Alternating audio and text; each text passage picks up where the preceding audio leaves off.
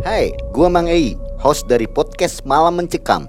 Saat ini gua dan tim sedang bekerja sama dengan Anchor, sebuah aplikasi yang kita gunain untuk membuat dan publish podcast kita ini. Kita mau kasih tahu nih, ternyata membuat podcast itu gampang banget dan 100% gratis. Selain gampang dan banyak digunain, semuanya yang kita perluin untuk membuat podcast juga ada di dalam Anchor.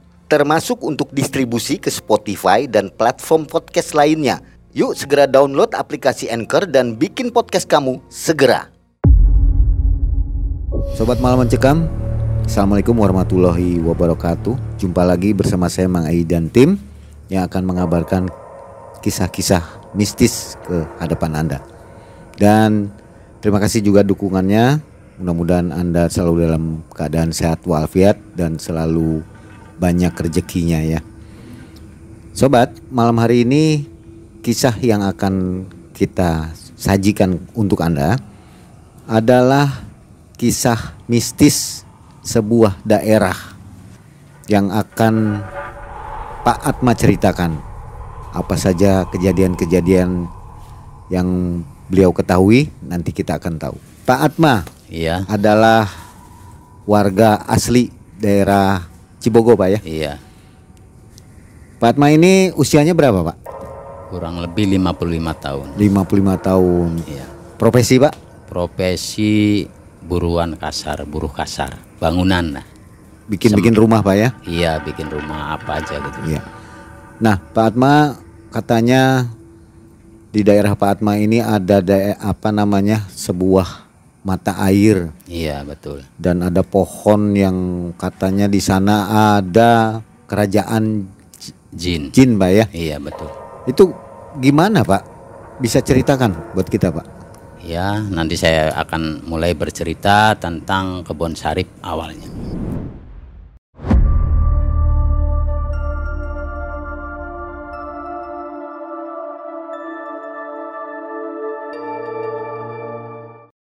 Ada sebuah pohon besar.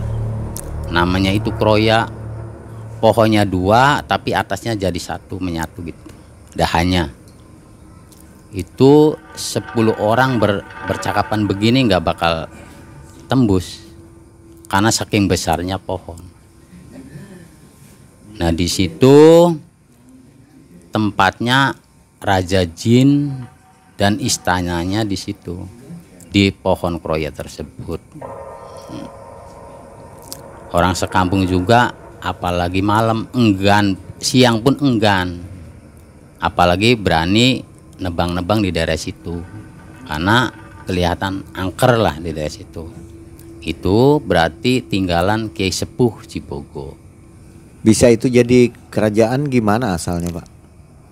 bisa jadi kerajaan itu asalnya dari seorang kiai yang punya mata batin nembus ke alam bangsa jin cerita ke saya bahwa ke situ jangan coba-coba menembang kayu sembarangan karena tempat itu merupakan istana kerajaan jin yang ditundukkan sesepuh Cibogo. Sering ada keanehan-keanehan di daerah sekitar situnya. Sobat guru saya pernah sowan ke daerah Cadas Kampar ke sahabatnya. Kurang lebih pulangnya jam satu malam waktu itu malam kliwon gitu. Di tengah jalan melintas warna kuning keemasan itu melintas sebesar kereta api. Itu bentuknya kuning keemasan. Terus saya dia kan seorang ulama putra kiai yang nyalinya cukup hebat. Langsung dia deketin karena menghalang jalannya dia ternyata itu sebuah naga. Kan dia kan seorang kiai jadi dia tuh pengen tahu ini tuh ular sebesar ini kok ada di daerah ini. Kalau benar-benar ada mungkin ya warga sekitar juga habis kemakan naga tersebut. Mungkin ular apa ini? Kan dia kan langsung kontak batin dengan keahliannya dia ternyata si naga itu kendaraannya bangsa jin. Bangsa jin melewat itu berarti sowan dari kerajaan yang lainnya. Bersama putrinya bersama prajuritnya ikut ke dalam naga tersebut. Dalam mata biasa mah kelihatan seorang lewatnya naga tapi dalam mata batin itu kendaraan yang istimewa itu. Nyalanya sisiknya sampai menyala itu sisiknya. Kuning kemasan itu. Itu kejadiannya malam Jumat jam 1 malam.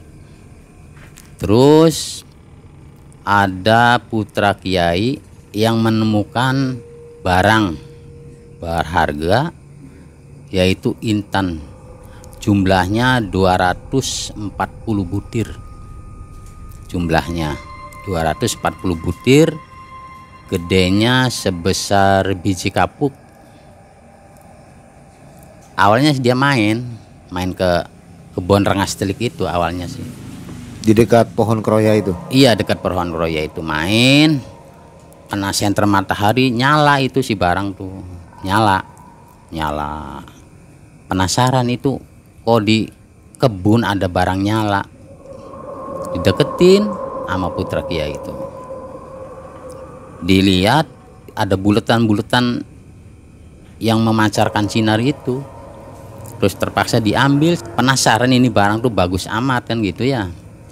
Terus ditanya-tanya itu tuh barang berharga gitu. Penasaran si putra itu. Pergi ke kota ke toko emas. Yang ahlinya barang berharga kan toko emas yang sa- bisa ngetes barang-barang berharga. Sekitar tahun 2000 ke sininya nggak lama sih. Paling enam tahunan ke sini. Nggak lama kejadian itu. Paling enam Baru tahun. ya? iya kejadian baru. Paling enam tahun yang lalu kejadian itu tersebut. Karena saya ber- kalau ada barangnya kata si toko mas saya berani 650.000 ribu per butir. Dia masih takut untuk menjual barang tersebut. Masih takut karena bukan milik pribadi. Ini hasil temu tapi di kebun kan gitu. Hasil temu tapi di kebun. Cuma kepaksanya putra kiai karena ongkosnya pas-pasan dari kampung ke kota. Mau apa lagi? Harus menjual salah satu barang tersebut. Akhirnya dua, dilepas satu 650 ribu. Sisanya dibawa pulang. Malamnya ngimpi nggak ngimpi kedatangan seorang putri yang cantiknya minta ampun itu. Di dunia ini kayaknya nggak ada bandingnya. Si cantiknya perempuan itu datang ke rumah. Itu barang panggilnya tuh otong ke si putra ketong. Itu barang punya saya. Ketinggalan waktu saya sowan ke sahabat saya. Kata putri itu tuh dia tertegun karena melihat kecantikan si wajah putri tersebut. Jadi nggak ngomong sambil nunjuk aja ke lemarinya tuh nunjuk nunjuk ke lemarinya. Ya lemari buka sendiri. Terus barang itu nggak dipegang terbang sendiri terbang ke arah putri itu. Tuh berarti ini milik saya. Kan si put si putra kiai kan gak bisa bicara. Ada keanehan di rumah saya kan gitu. Pada nunjuk aja gitu tuh. Terus ya udah terima kasih. Menghilang si putri tersebut. Cuma dia berpesan si putri tersebut ini uang yang tersebut tolong manfaatnya dengan baik. Manfaatkan dengan baik uang tersebut. Nggak marah pak ya? nggak marah.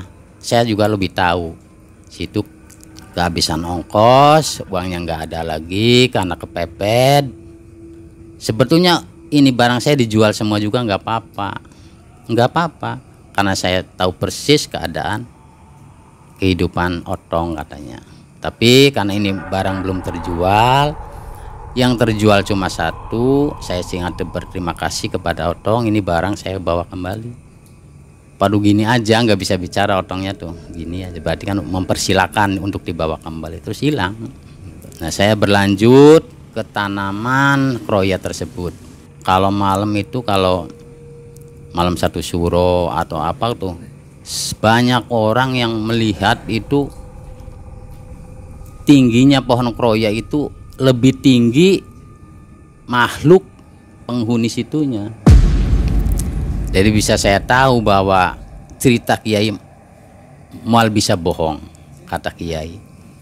Apalagi berbohong, Kiai kan untuk mengingatkan umatnya, tugasnya Kiai kan untuk mengingatkan umat supaya bertobat atau gimana. Apalagi berbohong di bidang sejarahnya kan gitu. Nah, di di sekitar Kroya itu ada rumah penduduk yang tidak jauh dari pohon Kroya. Seorang janda punya putra dua. Karena umumnya di daerah Cibogo itu anak tuh dipondokin, suruh ngaji supaya bekal nanti untuk anak cucunya dia gitu. Umumnya begitu kalau di Cibogo. Anak yang pertama ditipin di Kiai Cibogonya, anak yang pertama. Anak yang keduanya dititipin di pesantren Tegalrejo. Kan jarang pulang itu tuh.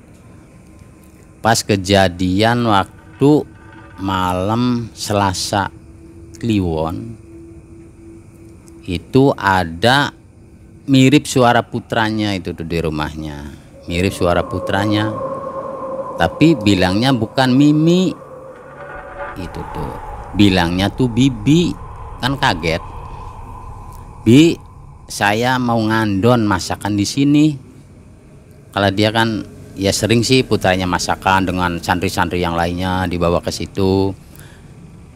Ngehnya si janda itu disangka yang ngucapin tuh teman santrinya gitu tuh. Ya udah boleh aja tuh berasnya ada di biasanya aja aja berasnya. Tapi lauknya sih nggak ada cari aja sendiri di balong barangkali mancing atau apa. Terdengar suara ngulek bumbu suara goreng ikan atau gimana sih? Biasa aja aja kayak terus kayaknya udah mateng udah apa semua. Biasa bancakan udah bancakan gitu. Bancakan. Kayak orang mayoran aja gitu. Makan dog itu apa gitu. dia masih belum kepikiran ini siapa. Karena pikiran lelah udah aja masuk kamar kunci kamarnya. Tidur di masih terdengar aja suara anak tuh masakan tuh yang masih lagi makan-makan. Dari si bibi itu perut lapar cuma ngantuk dan lelah. Sampai kan ketiduran. Pagi harinya dilihat tuh nggak ada apa-apa. Dilihat tuh. Bersih? Bersih total umpamanya piring tadinya di bupet ya di bupet lagi.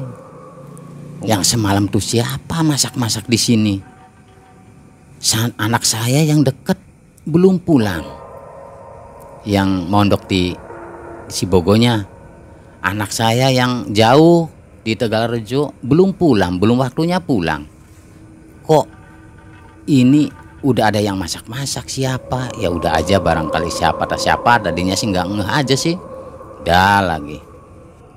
Bulan yang bulannya lagi ada yang minjem barang itu tuh. Bije mau pinjem barang alat-alat dapurnya aja. Buat apa? Ini aja tamu dari luar aja itu bilangnya tuh. Ada tamu dari luar mungkin ini perabotan saya nggak cukup. Mungkin sekarang mau mau pinjam ke punya bibi. Ya udah nggak apa-apa. Itu pinjamnya tuh malam. Nggak ngertinya tuh. Ya udah itunya dari belakang aja aja pintu itu juga nggak dikunci ambil aja seperlunya. Yang penting dari sininya bersih ke sananya bersih lagi. Syukur-syukur je. Pulangnya barang nanti ada oleh-olehnya nggak tahu beras nggak tahu kue ya gitu. Namanya orang kampung kan gitu ya. Ada timbal baliknya biasanya kan gitu, ya. nah, gitu. terus cih tadi tuh siapa aja dia baru sadar si bibinya itu baru sadar tadi bilang ada yang pinjem perabotan. Tadi itu siapa sebenarnya? Nah lihat barangnya yang di dapur itu bener benar kejadiannya. Berarti barang yang di dapur itu nggak ada semua. Kosong? Kosong. Dari gelas garpu piring sendok segalanya udah sampai langsengnya juga nggak ada. Tadi siapa yang nyili? Ya ada kecurigaan. Si janda itu tuh jangan-jangan orang berbuat jahat kan gitu? Nggak mikir bahwa itu bangsa jin yang minjem sih nggak kepikiran. Bangsa jin yang minjem sih waduh gimana nanti saya masaknya? Besok saya masak pakai apa alatnya kan gitu? Terus ke malam harinya tuh datang lagi itu tuh si barang-barang tersebut bu. Udah seperti biasanya kalau di tempat gelas ya di tempat gelas lagi. Kalau di tempat langsung ya di tempat langsung lagi. Seperti semula kayak enggak ada geser sedikit pun. Barang dipinjem tuh. Kayak semulanya aja kayak semulanya. Gitu. bi matur kesuhun ya gitu. Kata itunya sih bi terima kasih gitu. Terus ditinggalin. Beras itu tuh di itu diceting tuh di tempat biasa mesusi tuh dicetingnya tuh kira-kira 2 kiloan itu tuh. Disisain beras 2 kiloan dengan poci.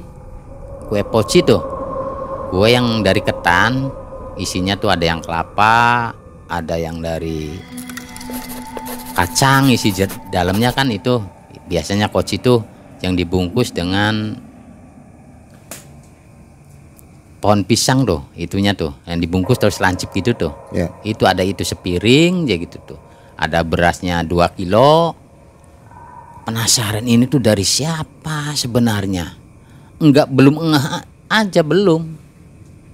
Tetangga mana yang pinjemnya enggak nampakkan diri lan ngembalikannya enggak menampakkan diri? Ini sebetulnya orang mana kampung mana? Ya, suatu saat dia kan tahu kalau di Rengas Telik tuh tempatnya jin lah gitu. Tahu karena rumahnya nggak jauh dari si Kroya tersebut. Nggak jauh lah. Dia tuh minta tolong sama bangsa jin. Dia minta tolong. Jin katanya kamu tuh bangsa jin tuh kaya raya. Banyak hartanya banyak emasnya. Coba saya bantu. Mungkin yang pinjem pekakas dapur saya mungkin masyarakat situ aja masyarakat raja kamu aja gitu. Oh dia nanya ke pohon itu? Iya. Mungkin masyarakat kamu. Karena segala sesuatunya dengan begitu cepat datangnya dengan begitu cepat perginya kan gitu. Dia ngomong bangsa jin coba bantu saya karena saya seorang janda punya berkewajiban untuk mondokin anaknya, tolong bantu saya. Kasihanilah saya seorang janda yang punya keperluan banyak di bidang materi. Akhirnya dia ke rumah jam satuan dia mau baru merebahkan tubuhnya ada suara itu tuh kalau kamu mau barang saya ambil aja di lemari kamu di sorogan kamu. Ah, suara itu tuh kata suara itu tuh.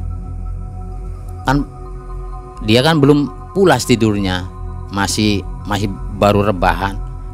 Karena dia pengennya mungkin tertolong oleh bangsa jin itu dia langsung bangun mencari kunci lemari.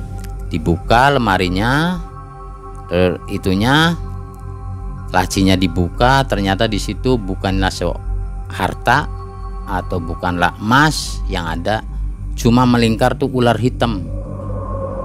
Di di lacinya tuh melingkar ular hitam tapi ular hitam itu diam enggak memangsa yang membuka itu. Akhirnya kan dia kan minta tolong ke kakaknya kakaknya kan nggak jauh paling ya 50 meteran lah dari rumahnya dia tuh jadi malam-malam tuh dia gedok-gedok rumah kakaknya minta tolong. Barangkali si ular itu ya nyerang kalau ular itu tak berma itu berbisa gitu tuh.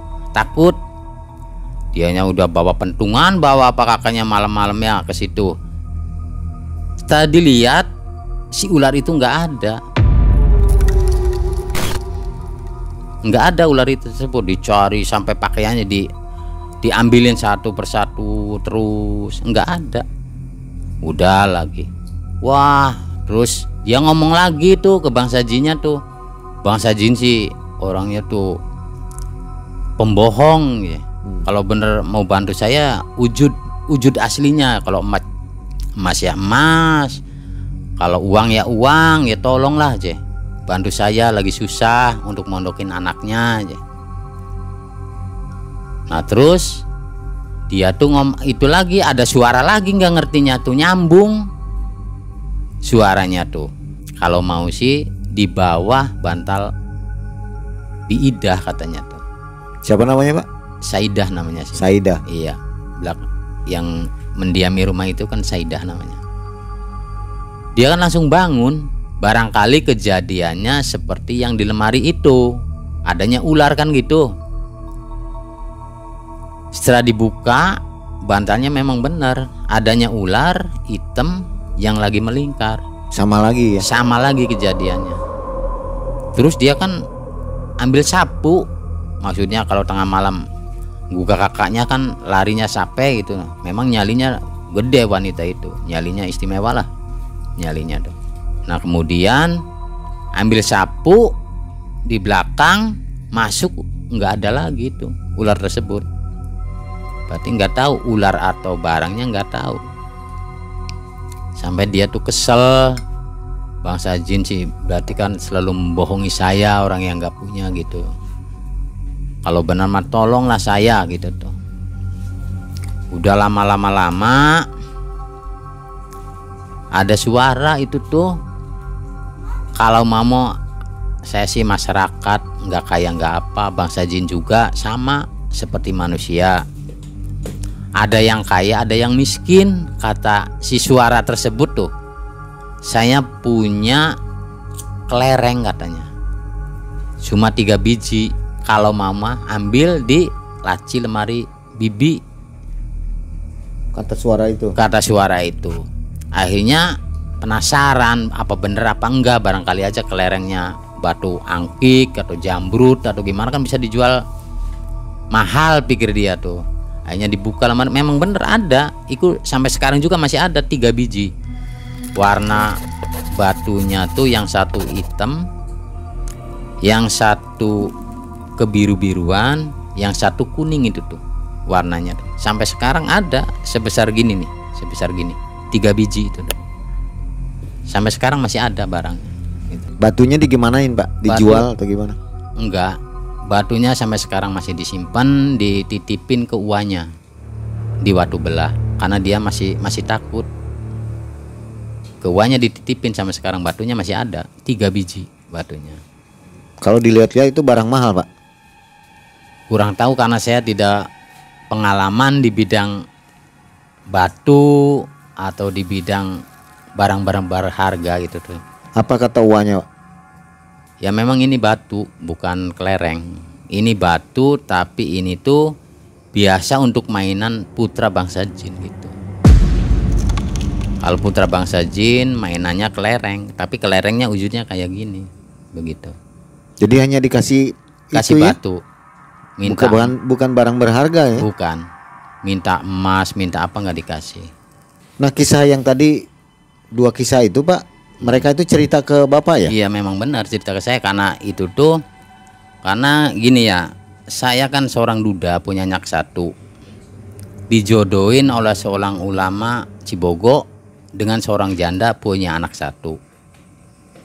Jadi si anak tiri saya tuh adiknya si janda itu Oh, masih terkait masih keluarga. terkait se- keluarga gitu loh. Makanya dia nggak enggan-enggan cerita sama saya iya. gitu. Nggak enggan-enggan cerita sama saya gitu. Ya di dalam pohon kroya itu banyak orang yang jarang mau melintas ke jalan deretan pohon kroya, kroya tersebut. Pohon kroya kan nggak jauh dari jalan raya itu tuh. Jalan yang menuju ke Cadas Ngampar itu nggak jauh. Kalau lewat jam 12 jarang berani. Kalau kalau orang berani lewat berarti nyalinya udah gede. Le- lewat ke situ. Ada apa aja katanya Pak di dalam kerajaan itu? Di dalam kerajaan itu ya sebuah istana, sebuah istana yang megah berisikan prajurit yang ribuan prajurit di di kerajaan tersebut. Nah, dalam kerajaan tersebut itu kan tundukan kiai. Nah, ada museum barang-barang alat-alat perang di sebelahnya kerajaan itu. Nah, alat perang itu nanti akan terbuka dikala orang muslim berperang dengan orang kafir. Itu akan terbukti, insya Allah akan terbuka dunia goib masalah di penyimpanan barang tersebut. Itu pegangan bangsa kiai dan para putranya dan masyarakat sekitarnya itu. Jadi kelak barang-barang senjata itu akan, di- akan sangat dikeluarkan ya? berguna dan akan dikeluarkan itu janjinya bangsa jin. Gimana kalau ada penonton yang ingin ke tempat itu, Pak? Boleh, boleh saya bisa antar. Atma bisa Iya, antar? bisa saya antar. Karena saya nggak jauh dari tempat itu. Bisa Barangkali saya- ada yang penasaran kan, Iya, Pak ya? boleh, boleh. Ingin kenal dengan Bibi Saida Iya, boleh, atau boleh. pengen lihat pohon keroyanya. Iya, boleh, siap. Pak, yang di dekat pohon keroya itu rumah Bibi Saida saja atau ada rumah lain? Kalau sekarang mah baru satu tahun ada rumahnya ada tetangga sebelah. Itu baru setahun yang sekarang ini Bangun rumah di situ. bangun rumah deket situ. Tadinya sih nggak ada itu tuh, cuma satu rumah. Sekarang mah berani dia bikin rumah di situ. Karena Bisaida nggak ada gangguan apa-apa. Walaupun pernah menghendaki yang aneh-aneh atau menghendaki sebuah orang yang tingginya melewati si pohon kroya Menampakkan diri. menampakkan diri orangnya hitam terus ya berbulu tapi nggak pakai nggak pakai baju. Pakainya itu cawat itu. Cawat pakainya cawat itu tingginya kurang lebih 25 meter itu tuh tingginya orang itu tuh. Bibi Saida yang melihat itu. banyak orang yang melihatnya bukan Oh, satu warga orang. situ. warga situ banyak yang melihat. Warga situ. Bukan bisa ida aja banyak orang yang pernah melihat bahwa di pohon kroyaku ada ka- kata orang kampung situ namanya bergola itu tuh Bergola. bergola Sampai sekarang Bibi Saida masih masih tinggal di situ dan masih sering didatangi makhluk iya itu. sering sering pinjem pinjeman bangsa ya alat dapur sering dipinjemin Jadi sudah biasa gitu. sudah ya? biasa gitu cuma ya bangsa jin tuh ya berbohong ya berbohongnya minta emas dikasihnya ular kan istilahnya bag- kalau orang takutan kan mintanya emas kok dikasihnya ular. Tapi kata orang bilang kenapa si ular itu nggak langsung dipegang? Kalau kalau dipegang mungkin berubah jadi emas atau uang. Atau dipatok. nggak mungkin dipatok. Nggak mungkin. kalau tadinya minta terus dikasihnya wujudnya seperti itu. Gitu. Karena takut ya lihat karena ular. dia kan seorang wanita kalau bangsa jin sih dia nyalinya gede tapi kalau keadaannya ular dia kan perempuan kan sangat riskan ke ular apalagi ular hitam kan yang sangat berbisa itu Fatma, iya terima kasih banyak nih. iya Informasi tempat yang mistis tapi jin-jin di sana juga kelihatannya ramah Pak ya. Tidak ramah sih karena tundukannya kiai, kiai situ. ya, tidak Iya, mengganggu lah. tidak gitu. mengganggu Oke, Fatma, semoga sehat selalu ya. alhamdulillah Keluarga amin juga sehat amin amin dan puasanya tamat Pak. Insya Allah, insya Allah. Banyak rezekinya. Iya, amin, amin. Iya. Sobat MM, itulah kisah dari Pak Atma, kisah nyata. Silakan yang mau berkunjung ke de- ke desa Cibogo di pinggiran kota Cirebon. Arjasunya, Kecamatan Harja Mukti. Harja Mukti. Saya akhiri kisah dari Pak Atma. Wabillahi topik wal hidayah. Wassalamualaikum warahmatullahi wabarakatuh.